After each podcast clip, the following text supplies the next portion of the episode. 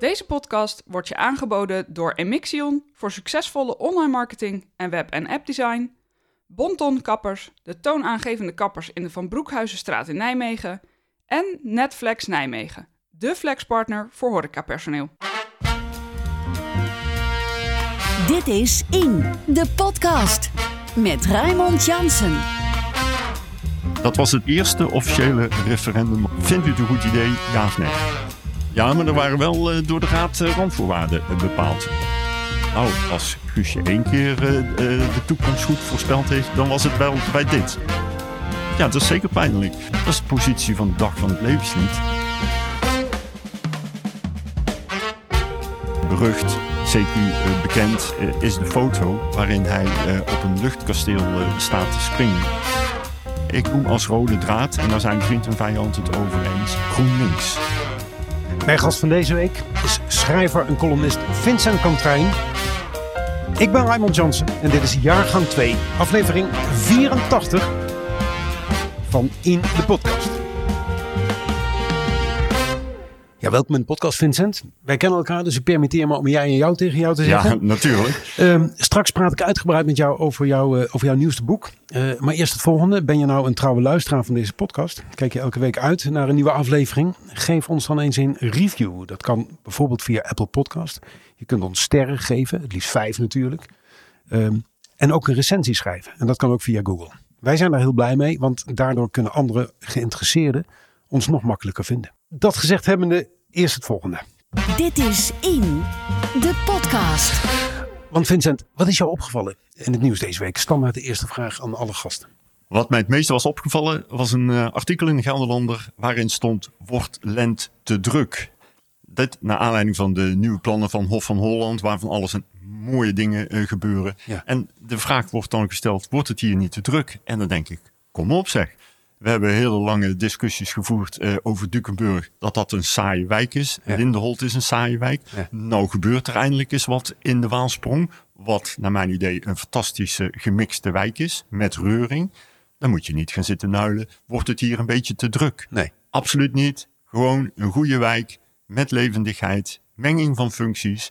Ik denk dat ze daar in Dukenburg sticuloos op zouden kunnen zijn. Ja. Is, vind jij het een goede ontwikkeling? Dat, dat in ieder geval daar ook die groei doorzet? Ik vind dat een goede ontwikkeling. Ja. Maak vooral van de Waalsprong en het uh, deel uh, uh, rondom het centrum ja. een, een bruisend geheel. Ja. En het mooie is dat je toch daardoor verschillende woonsferen krijgt. En waardoor je als woningzoekende in Nijmegen keuzes hebt.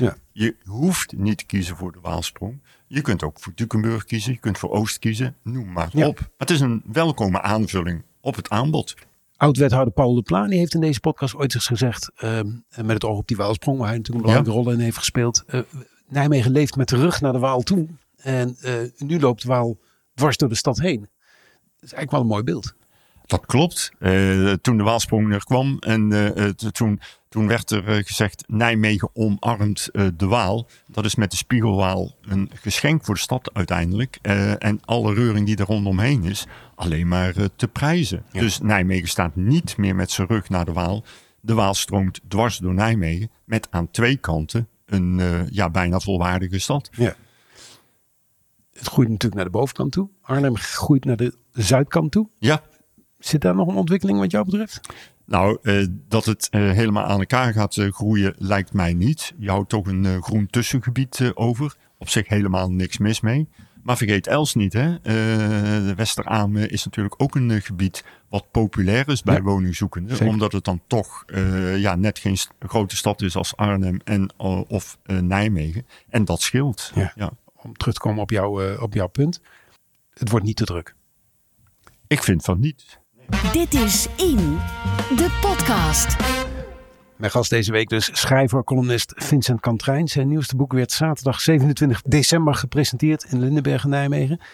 En het gaat over de plannen die er lagen rondom de herbouw van de Donjon. Het werd een, een waar klassiek drama op politieke lees gegooid, zou ik bijna zeggen.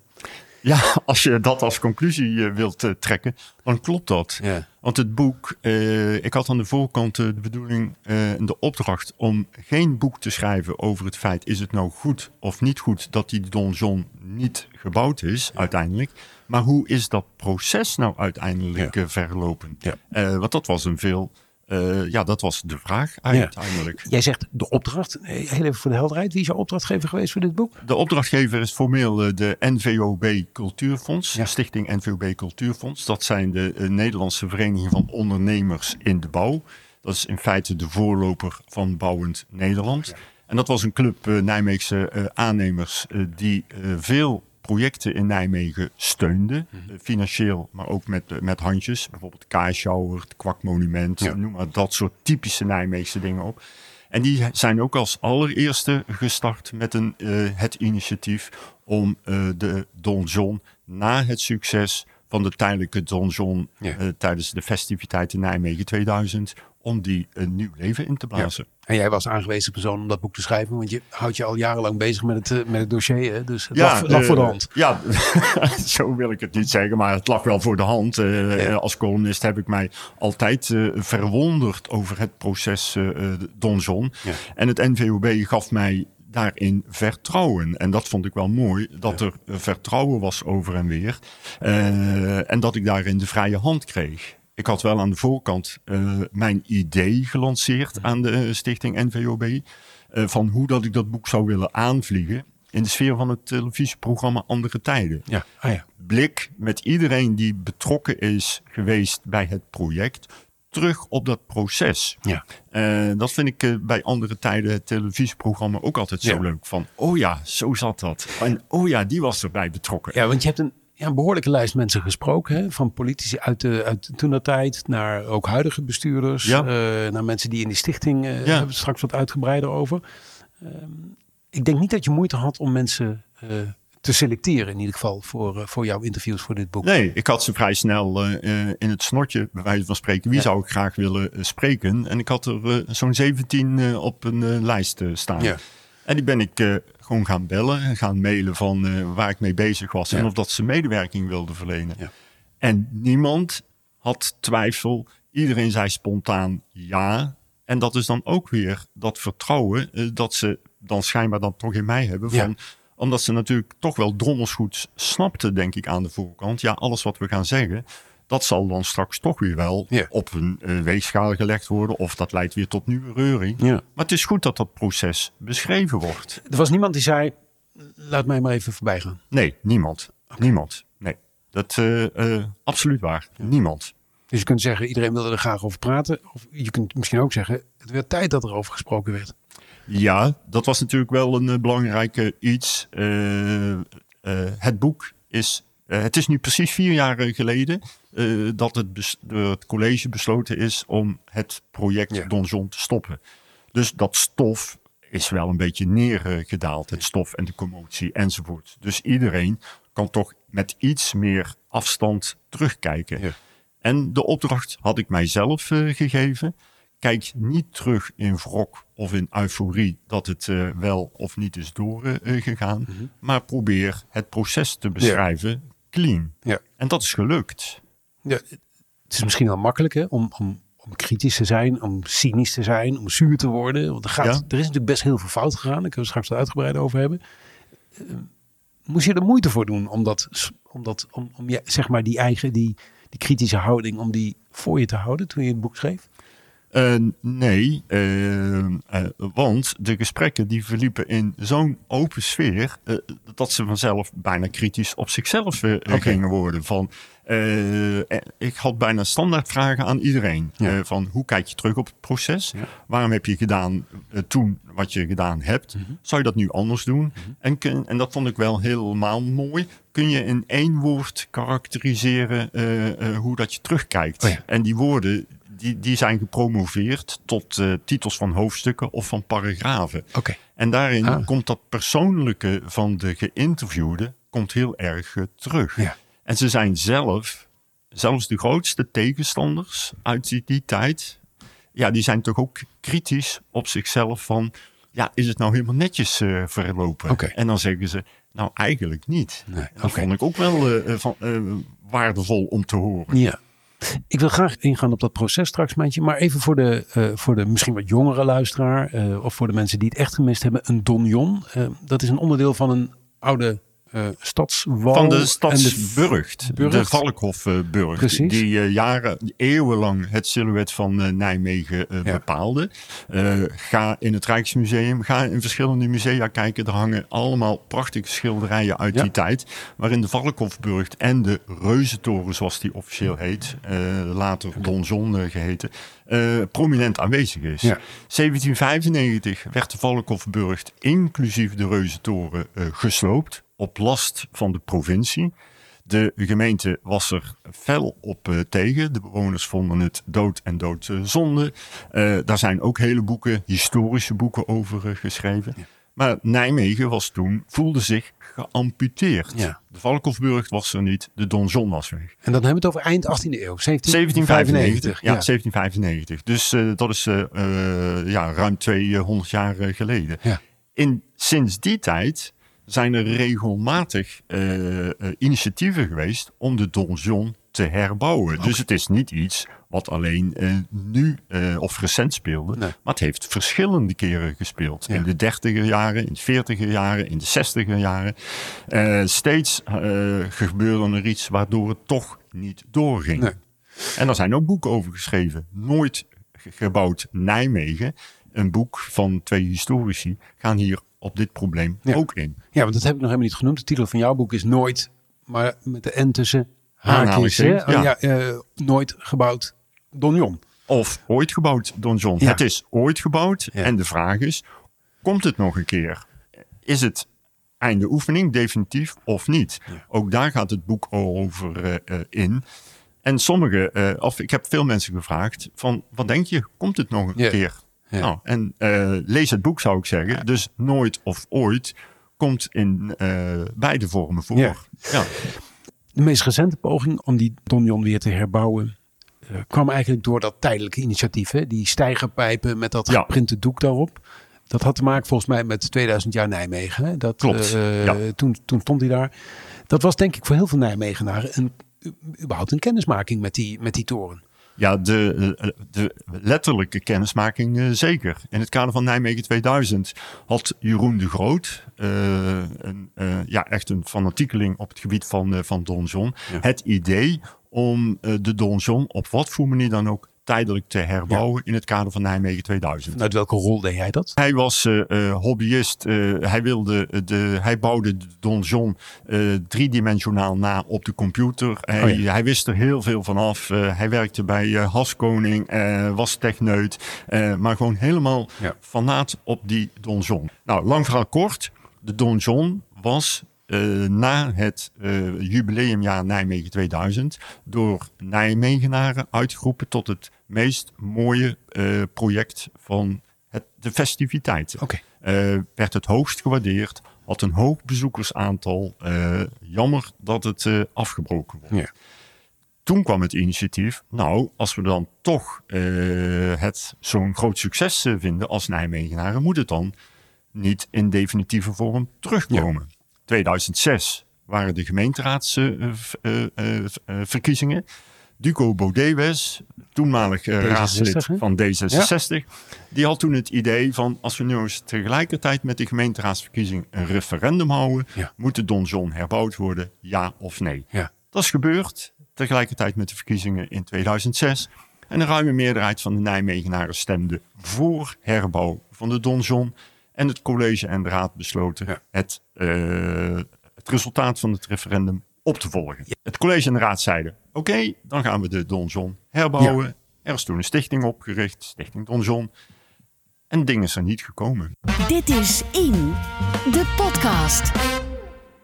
Ik noemde het net een klassiek drama. De openingsakte is denk ik wel, eh, als we het zo eh, in die beeldspraak aanhouden, dat, eh, dat referendum. Hè?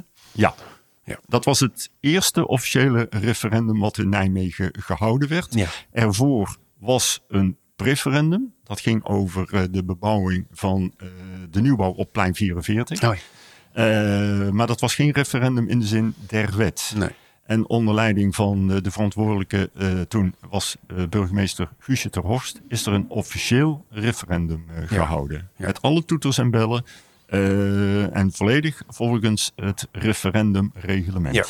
Guusje de Horst, binnenkort te gast in deze podcast, die had als voorwaarde eigenlijk, ehm, het moet een hele simpele vraag zijn. Hè? Die moet je met ja of nee kunnen beantwoorden. Ja, meer smaken waren er niet. Nee. Een referendum eh, mocht uit één vraag bestaan. Vindt u een goed idee dat de eh donjon herbouwd wordt? Ja, Ja. of nee? Ja. Onder invloed van het succes van die tijdelijke donjon, de aanblik van de stad was Ja. eh, wezenlijk veranderd. Je, je reed terug naar Nijmegen over de Waalbrug en je zag behalve de Stevenskerk ook die donjon. Ja. Levensecht, zeker van afstand. Ja, prachtig. Dus, dus eh, succes gegarandeerd zou je zeggen. Succes gegarandeerd. Nee, het, eh, het eh, liep toen natuurlijk erg positief, omdat Nijmegen heel erg enthousiast was Ja. over die tijdelijke donjon.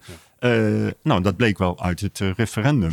Alhoewel, het referendum was niet zonder slag of stoot door de raad eh, gekomen. Nee, want ehm, ook daar moet natuurlijk de raad een oordeel over geven. En Ja. uiteindelijk moet er een meerderheid zijn. Ja, Hoe ging dat? Nou, aan de voorkant begon de raad al allerlei eh, mitsen en maren eh, eh, in te brengen. Van ja, als ze ja zeggen, weten bewoners niet waar ze ja tegen zeggen. Dus wij gaan hier randvoorwaarden aan de voorkant inbrengen. Klinkt, klinkt redelijk. Nou, volgens de Guusje ter Horst als hoofd van het stembureau en een kei op het gebied van referenda, mocht dat niet. Eh, want het is ja of nee en niet eh, allerlei eh, aan de voorkant allerlei beperkende maatregelen invoeren. Nee. Want, zei ze, dan krijgen we achteraf discussie over de interpretatie van randvoorwaarden. Nou, als Guusje één keer de toekomst goed voorspeld heeft, dan was het wel bij dit. Ja. Want het gedonder kwam. Wat, ik eigenlijk bedoelde is dat, dat, het, dat het wellicht terecht was van die raadsleden om voordat dat referendum zo geformuleerd werd te zeggen, ja maar eh, is de vraagstelling wel zo dat men inderdaad wel, wel degelijk weet eh, waar men over stemt? Ja, eh, ik vind als de vraag is: vindt u het een goed idee dat de donjon herbouwd wordt? Ja. Ja. of nee? Een simpele vraag met een ja of nee. Ja. Je vindt iets mooi of je vindt iets niet mooi. Ja. En alle andere om, ja, bijna omringende factoren, laat dat dan straks maar blijken. Ja. Of dat het wel kan, ja of nee. Ja. Simpel, vindt u het een goed idee, ja of nee? Ik kan me ook voorstellen dat in de tijd er ook wel Nijmegenaren waren die dachten, ja ik vind het wel leuk als het ding er komt, maar als het ik weet niet hoeveel geld moet gaan kosten, dan weet ik niet of dat wel zo'n goed idee is. Nee, dat waren natuurlijk eh, eh, vooral politiek de, eh, de argumenten Ja, nee, goed, maar- om randvoorwaarden te doen. Snap ik. Naar mijn idee leverde dat eh, in de, in, bij de beeldvorming van Nijmegenaren, wie dan ook dat mogen zijn, geen discussie op. Mhm. Nee. Eh, de vraag was helder, ja of nee. Oké. Nou, die referendum er, de uitslag was er. Ehm, Ja, maar er waren wel door de raad eh, randvoorwaarden bepaald. Precies. Ondanks dat Guusje dat wilde tegenhouden. En de raad zei, ja, wij zijn hier de baas, dus wij bepalen randvoorwaarden. Ja. Een van de mensen die jij gesproken hebt was Hans van Hoofd junior, Ja, toen raadslid. Die begon over die randvoorwaarden. hè? dat klopt. Hans van Hoofd heeft eh, eh, na eh, verschillende raadsvergaderingen samen met de anderen bij, de, bij elkaar gezeten. En hij verzon drie randvoorwaarden die hij, waarvan hij van mening was dat die bij het referendum naar voren moesten komen. Het ene was de donjon moet gerealiseerd worden zoveel mogelijk lijkend op het origineel.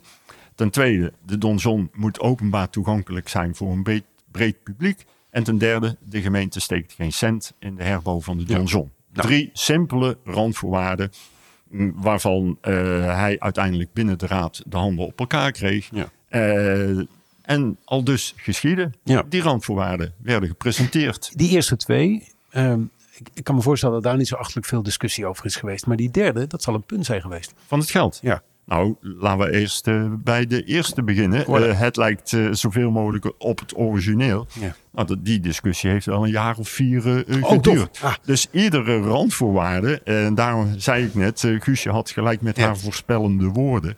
Iedere randvoorwaarde werd door tegenstanders aangegrepen om te zeggen, zie je wel, we, we moeten het gewoon niet doen. Oké, de raad was deskundig op het gebied van tufsteen, authenticiteit. Eh, nou, het leek af en toe wel commissie beeldkwaliteit of een archeologenclub. oké. Dus raadsleden trokken een jas aan eh, die, die er niet paste. Helemaal waar. Ja. Ja, iedereen had er verstand van. Oké. Terwijl, en dat staat ook in het boek, de donjon heeft nooit bestaan. Want hij heeft uh, drie, vierhonderd jaar uh, heeft hij er gestaan. En hij zag er elke twintig jaar anders uit. Zoals ieder huis verbouwd wordt of wat dan Oh ook. ja, dus ja. er is geen enkele tekening van een originele donjon Nee. of wat dan ook. Nee. Dus alles is discutabel dan. Ik sprak nog niet zo lang geleden Helene Weigers, directeur van de Stevenskerk in deze podcast. En ehm, die, die, die toren is natuurlijk ook opnieuw opgebouwd. Eh. En die is ook anders herbouwd Ja, dan voor de schade toe, toegebracht door, eh, door het bombardement. Dat is toch nog net iets anders als je het grootste deel van het pand eh, in stand houdt en er een deel van herbouwt. Dan een heel nieuw, in dit geval toren neerzetten. ja zoveel, kijk, dat was die randvoorwaarde van Ja. Hans van Hoofd. Hij moet zoveel mogelijk lijken op het origineel en Ja. gebruik maken van authentiek materiaal. Ja, dat, dat is discutabel. En de stichting heeft er alles aan gedaan met gerespecteerde architecten om tot een goed ontwerp Ja. te komen. Want die stichting, dat is belangrijk om te noemen, die werkt in opdracht van de gemeente Nijmegen. Hè? Ja, de stichting had twee opdrachten. Ja, in feite een één opdracht gekregen, maar met twee deelopdrachten. Herbouw de donjon Mhm. en maak tegelijkertijd een verbeterplan voor aanpak van het Valkhofpark. Je mocht dus veronderstellen dat het, eh, eh, het plan van de stichting, dat dat een eh doorvrocht plan was. eh, Ja. Waarbij in ieder geval die eerste voorwaarden, hè, hoe, Ja. zo authentiek mogelijk, daar was goed naar gekeken, toch? Daar was hartstikke goed naar eh, eh, gekeken. Toch Al- kreeg, de, kreeg de raad daar de handen niet voor op elkaar. Nee, eh, en dat is dus het, het mooie van dit boek. Dat je dan toch kunt zien hoe dat politiek werkt. Hoe werkte dat? Het werkte doordat fervente tegenstanders van de donjon continu zeg maar, hun eigen argumenten hanteerden om het proces te frustreren. Waarom waren zij tegen? Eh, aantasting van het uh, Valkhofpark. eh, de evenementen in het Valkhof- Valkhofpark zouden daar last van hebben. En soms, ja, we willen het gewoon niet. Nee. Klaar uit. Nee, ik, zag, ik zag in jouw boek allerlei oude affiches met het logo van Disney, waardoor er een, een, een draai werd gegeven aan, Ja. het, aan het plan. Het zou, zou een Efteling-toren geworden zijn met allerlei tierenlantijnen eraan. Dat was natuurlijk niet gebaseerd op Dat was niet gebaseerd op enige realiteit van de werkelijkheid. Absoluut niet. Toch heeft de discussie, zeg je, vier jaar geduurd. Ja, over het, eh, het materiaalgebruik, eh, over eh, de functies die er al dan niet in mochten komen, de relatie met eh, de Dag van het Levenslied, de relatie met het uh, Valkhof Ja. Affair, later het Valkhof Festival Ja. eh, eh, eh, en nu zelfs weer een eh, bierproeffestival wat in het Valkhofpark mag komen. Aantasting van eh, de monumentaliteit van het park, Ja. noem alles maar op. Waren het op zichzelf, of je het nou eens bent of niet, waren het redelijke argumenten? Eh, ik heb me daar geen. eh, eh, ik vond het geen redelijke argumenten. Ik heb dat overigens niet in het boek geschreven, want ik heb geprobeerd eh, waardevrij het boek te schrijven. En eh, de, de waardes die erin staan, Ja. zijn de waardes van de geïnterviewde personen. Maar nu zitten we toch tegenover elkaar en jij hebt je er ook een tijdje tegenaan bemoeid. Ja, Ehm, eh, dan zeg ik, de argumenten waren niet terecht. Nee. Als je mij nu op de man zou vragen, wat ben, was en ben jij voorstander van herbouw van Ja. de donjon, zeg ik heel eerlijk ja. Ja. Maar dat mocht ik in het, eh, Nee, dat goed. heb ik ook in het boek niet eh, eh, gedaan. Ik heb geprobeerd daar boven te blijven hangen. Hoe in die, ehm, in die tufsteen discussie zou ik bijna zeggen, wat veroorzaakte dat dat vier jaar duurde? steeds herhaling van, van zetten. Er moest een beeldkwaliteitsplan komen, er moest dit, er moest dat. De monumentencommissie bemoeide zich ermee. En uiteindelijk moest gemeente, eh, college en raad zeggen akkoord op het eh, bouwplan. Ja. Nou, dat is uiteindelijk wel gelukt. Ja. Dus ook een van de mythes die eh, heerste in Nijmegen van de donjon is niet herbouwd omdat het nergens op leek, is niet waar. Nee. Want er ligt een basis voor het verlenen van een omgevingsvergunning, oud nieuw woord voor een bouwvergunning, voor de donjon. Dus vriend en vijand waren het er toen over eens, staat ook in het boek, dat het een goed ontwerp lag voor de donjon. Ja. Aan, Eh, voldeed aan de randvoorwaarden. Alleen het duurde lang. Is dat dan de ambtelijke brei waarin iets belandt? Onder andere eh, eh, eh, ambtenaren eh, hebben ook eh, obstructie gepleegd. Ja. ja, en realiseerden zich denk ik niet allemaal, of wel of niet, eh, dat de gemeente in feite opdrachtgever was aan de stichting om die donjon te herbouwen. En ambtelijk was er grote interne ruzie eh, van voor- en tegenstanders. En de een vond dit en de ander vond dat. En dat werd niet goed gemanaged. Dat is best ernstig.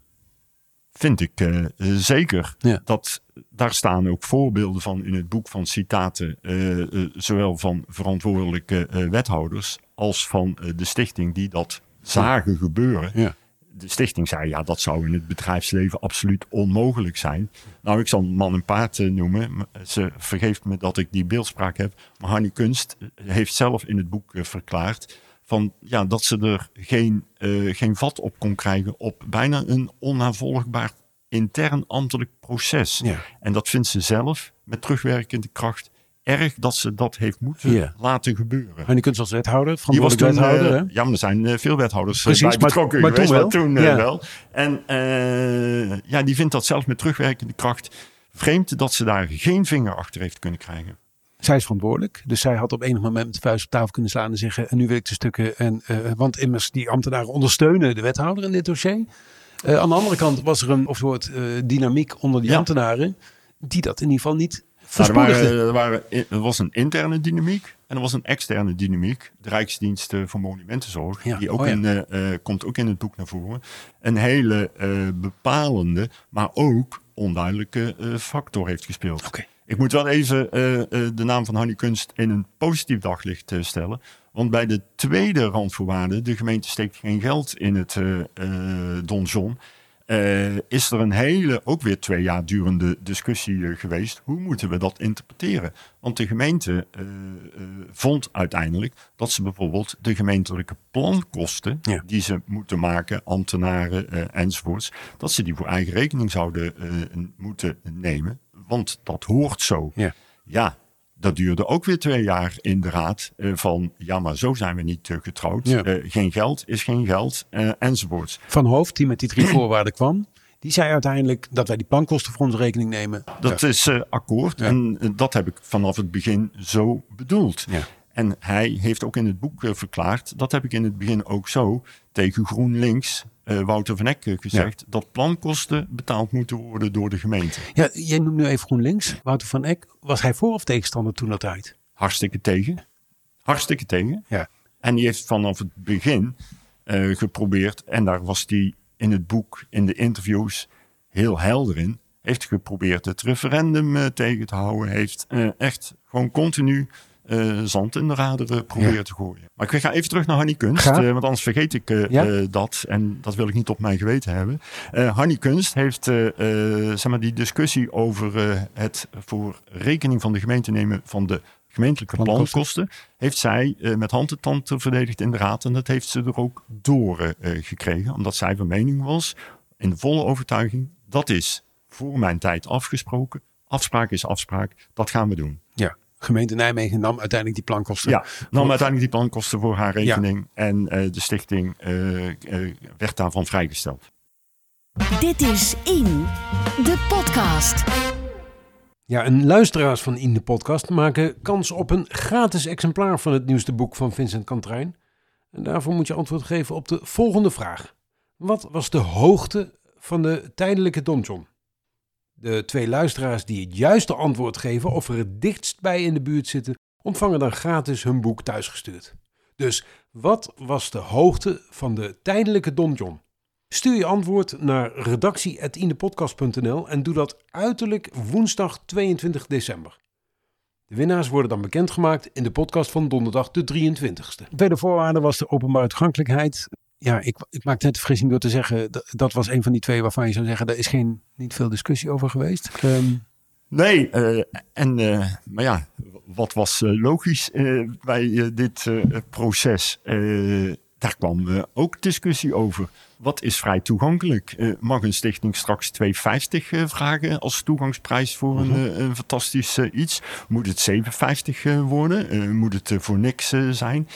Eh, ik heb in het boek geschreven dat eh, die toegangsprijs die fluctueerde als de AIX-index. Eh, en als het op enig moment dreigde, Wouter van Eck, daar heb je hem meer, met een nieuw referendum, als het boven de 4,50 zou zijn of weet ik veel wat. Oh ja. Dus er was een hele semantische discussie over wat, wat, wat is nou breed toegankelijk en eh, hoeveel mag dat wel of niet kosten? Nee. En Van Eck die wilde daar weer een nieuw referendum Ja, over houden. al- die zei als het meer dan 4,50 eh, kost, ik, ik, eh, ja, ik weet niet meer precies wat, dan wil ik een, eis ik een nieuw referendum, want daar hebben de mensen niet voor gekozen. Ja. Kortom, alles werd uit de kasten gehaald eh, om ja, het proces te frustreren. Daar had hij toch nooit een meerderheid voor kunnen krijgen voor het referendum? Gok ik. Geen idee. Ja, je weet Nee, maar geen nooit. idee. Je weet het maar nooit. Nee. Nee, dat weet je niet. Nee. Want er was natuurlijk wel een, eh, een, een blokvorming binnen de raad Ja. van voor- en tegenstanders. Ja. En dat was nog wel een andere blokvorming dan nu. Eh, dus eh, Ben van Ees die zat toen nog bij de Stadspartij. Ja. Dus ja, weet je, ik, vanaf 2006 zijn alle raadsvergaderingen op video te bekijken. Nou ja, eh, tijdens de coronaperiode heb ik echt zitten smullen. Als je al die eh, oude vergaderingen zit te bekijken en denkt van verrek. Ja, zo was het. En moet je nou eens horen met terugwerkende kracht. Ja. Dat is smullen. Ja. Dat is echt smullen. Ik ben ook heel benieuwd wat mensen, de betrokkenen of de stad of wie dan ook, Mhm. vinden als ze dit boek hebben gelezen. Ik heb echt eerlijk geprobeerd, en ik denk dat ik daarin geslaagd ben, om niemand te beschadigen. ik, ik wijs geen schuldigen aan Mhm. Nee. in de zin van, eh jee. Wat er staat, is, zijn de citaten van mensen zelf. Ja. En daar zijn ze heel eerlijk in geweest. Eh, nou, Pepijn Boekhorst heb ik gevraagd. Het staat in het boek. Ja, Hoe kijk je nou terug? Nou zegt hij, het is eigenlijk niet zo netjes wat wij hebben gedaan. Boekers was een tijd lang fractievoorzitter van GroenLinks. Het was eh, Wouter van Eck, Pepijn Boekhorst, eh Noël vergunst, ja, precies. Over die, over, die, ehm, over die persoon straks nog wel wat meer. Maar even nog naar die derde voorwaarde. Hè? Eh, terug naar Hans van Hoofd en de voorwaarden die hij stelde. Dat leek mij de lastigste, die derde. Eh, het geld. Juist. Ja, ja dat geld, eh, dat was het eh, lastigste. Ja.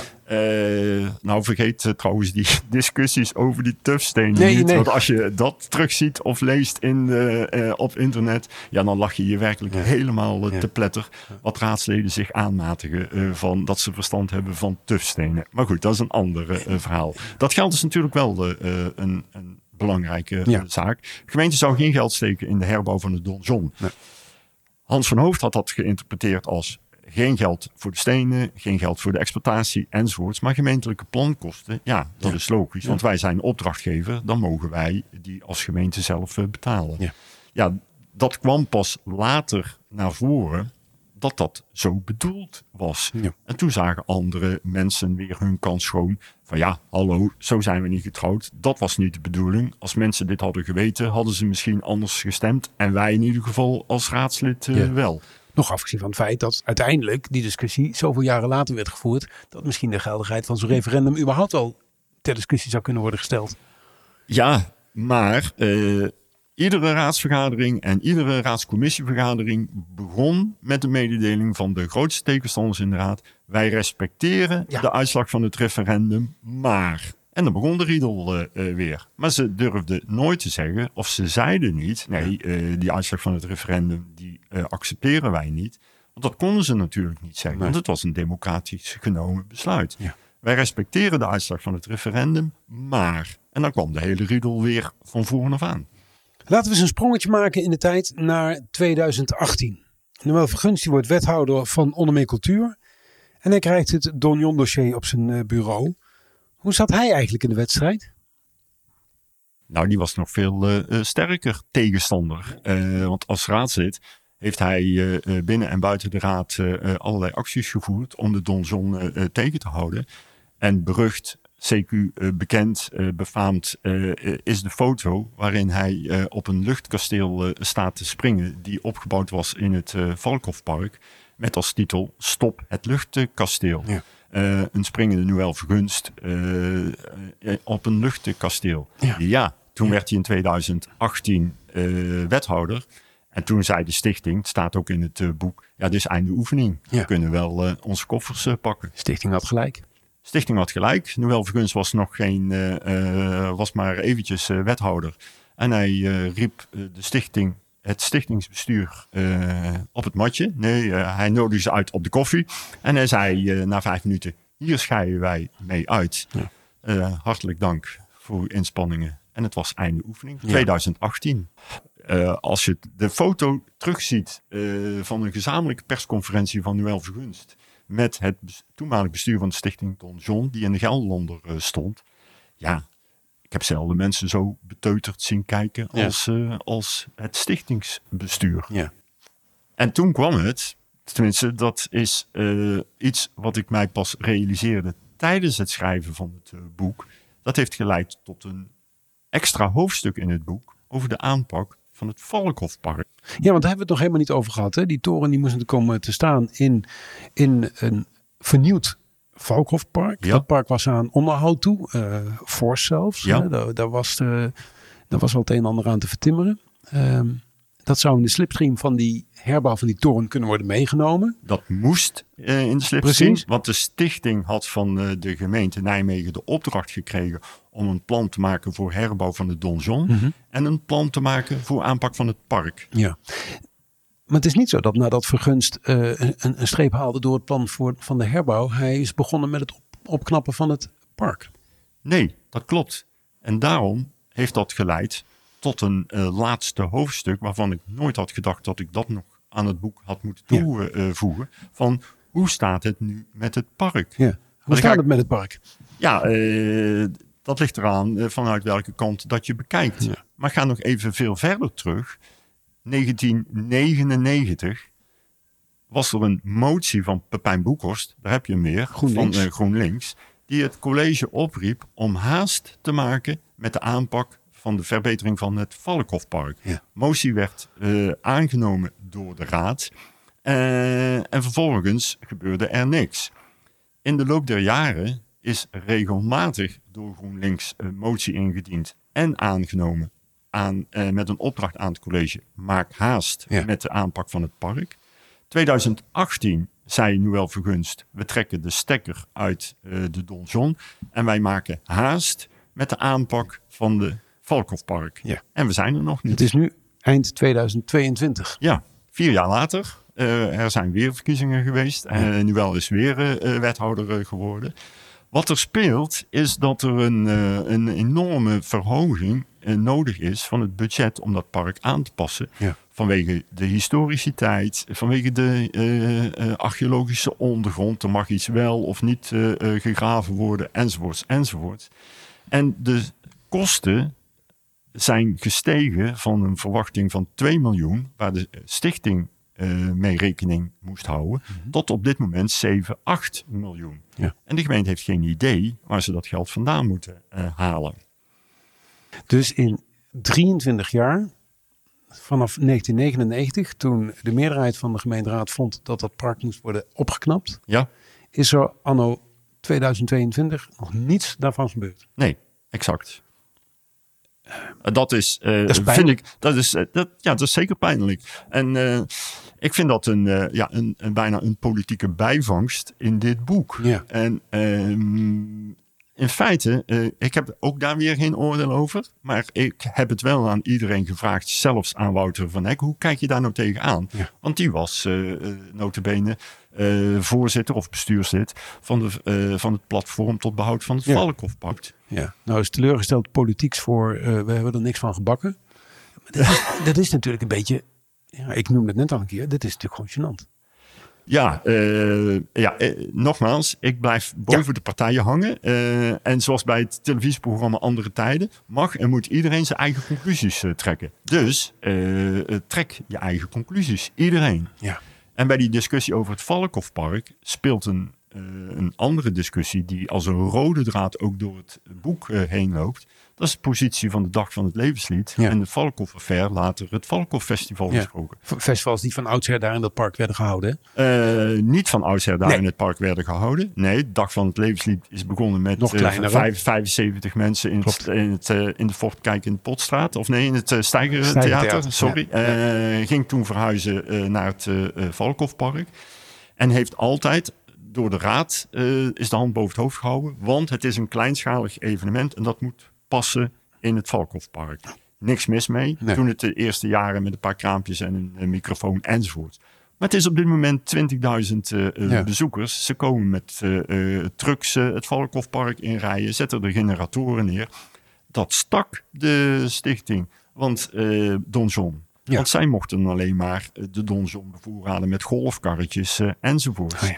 En er moest rekening gehouden worden met kleinschalige uh, zaken. Ja. Nou, het Valkhof Festival kun je tegenwoordig ook geen kleinschalig festival Nee. meer noemen. Daar gebeurt alles wat de stichting Don John niet mocht. Wie zijn nou de belangrijkste hoofdrolspelers geweest in deze hele soap? De belangrijkste hoofdrolspelers zijn geweest uiteraard de stichting eh, Don John. Ja. Die eh, naar eer en geweten geprobeerd hebben een opdracht van de gemeente uit te voeren. Ja. Op basis van een positieve uitslag van het referendum. Een hoofdpersoon kan ik aan de andere kant niet aanwijzen. Maar ik noem als rode draad, en daar zijn vriend en vijand het over eens, is eh, GroenLinks. Ja. Die als eh, ja, belangrijkste politieke partij hier een rol in heeft eh, gespeeld. Dus die drie fractievoorzitters die we al genoemd hebben. Ja, ja. Pepijn, of Wouter van Eck, Pepijn Boekhorst vergunst. ja. Maar ik wil dat samenvatten onder GroenLinks als partij. Ja, precies. Als we even uitzoomen van deze hele discussie. Eh, wat betekent dit voor eh, het vertrouwen in de lokale politiek? Ja, dat is een, eh, een, een goede vraag. Ik zal daar ook een antwoord op proberen te geven. Dat is op dit moment natuurlijk wel een hele discussie. De betrouwbaarheid van de politiek. Ze luisteren niet, ze doen niet. Wat betekent het voor burgerinitiatieven?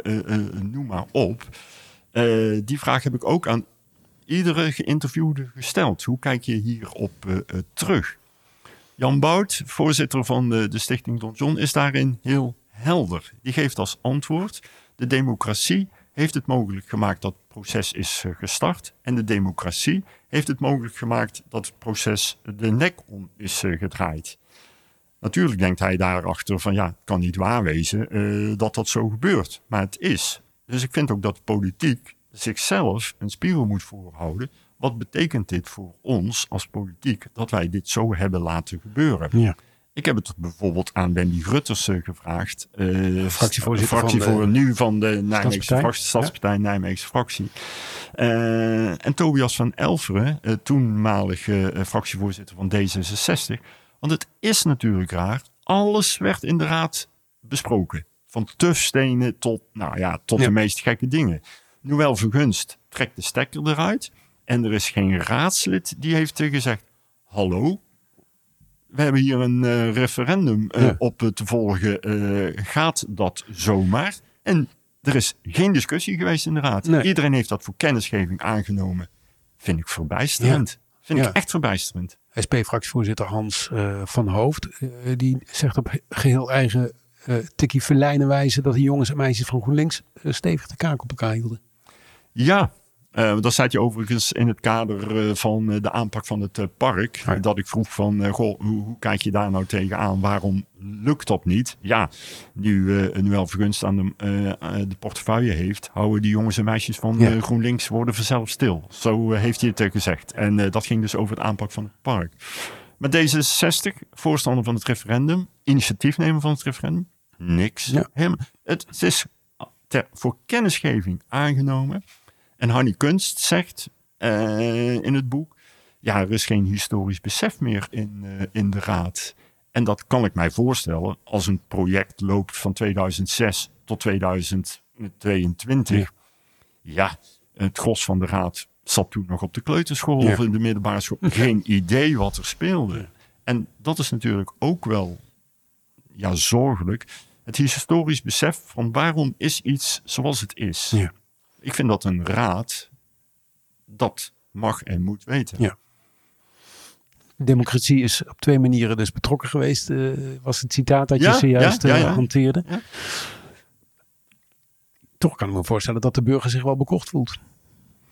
De inwoner van de stad die eh, toen naar dat referendum ging, daarover nagedacht heeft, misschien zijn bedenkingen heeft gehad, zijn stem heeft uitge- uitgebracht. Ja. En vandaag de dag Ja, zo- bijna vergeten was. ja nee, dat, eh, eh, dat, dat geloof ik zeer zeker. Ja. Ja. ja. Alleen zal niemand meer precies weten van ja, wat speelde er dan nou? Want er is natuurlijk wel een mythe ontstaan. De Ja. donjon, dat leek nergens op. Het was een Efteling-achtig iets. Ze kregen de eh, financiering niet rond. Dus het is gewoon goed dat het niet door.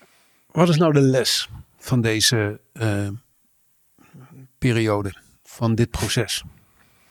Ja, dat is een... een Voor de eh, politiek. voor de politiek. Eh, eh, in feite zou je die vraag eh, over een eh, half jaar aan een aantal betrokkenen moeten stellen. En dat zou ik eh, wel heel erg tof vinden. Dat je ze bijna de opdracht geeft, lees het boek en eh, refle- reflecteer via in de podcast dus eh, met mij. Eh, eh, ik kan er wel een antwoord op eh, geven.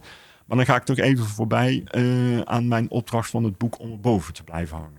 Dus misschien doe ik dat in een van mijn columns eh, nog wel een keer eh, of op een andere plek. Maar ik onthoud me daar nu even van commentaar. Tot slot, ehm, eh, de titel van jouw boek, ehm, daarin staat de letter N tussen haakjes. Hè? Ja. Ooit of nooit. Wat denk jij? Gaat het ooit nog eens gebeuren? Op korte, op korte termijn zeker niet. Maar als je praat over een eh, periode van 1795 tot nu. en je ziet in die eh, loop van die 200 eh, jaar. dat er verschillende initiatieven zijn geweest. die omarmd werden, wel of niet. Ja, jij en ik weten.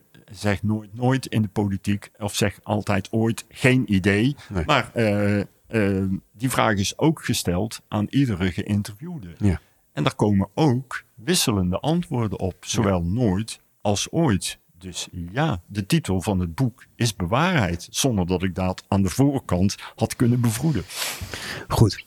Tot zover. Dankjewel. Rest mij te zeggen dat het boek van Vincent Kantrein te koop is in Boekhandel Dekker van de Vechten. Ja. En ehm, Voor 1795, Kijk. eh, want dat is eh, eh, het jaar dat de donjon werd gesloopt. nou, mooi had je niet eh, kunnen, kunnen bedenken. Goed, dankjewel Vincent. Tot slot, wil je nog meer lezen over eh, politieke maatschappij in Nijmegen? Ga dan naar inpodcast.nl slash mailing. Geef je daarop, dan stuur ik je elke week een mail met van alles dat je niet hoorde in de podcast. En dit was aflevering 84 van de In de Podcast. Redactie en productie van deze aflevering waren in handen van Rob Jaspers en mijzelf. Ik ben Raymond Jansen. Montage en nabewerking Thijs Jacobs. En heb je vragen, mail die dan naar redactie.indepodcast.nl. Volgende week dan is er een dubbel interview met minister voor Klimaat en Energie Rob Jetten en wethouder in Nijmegen voor D66 Tobias van Elveren. Dit is In, de podcast.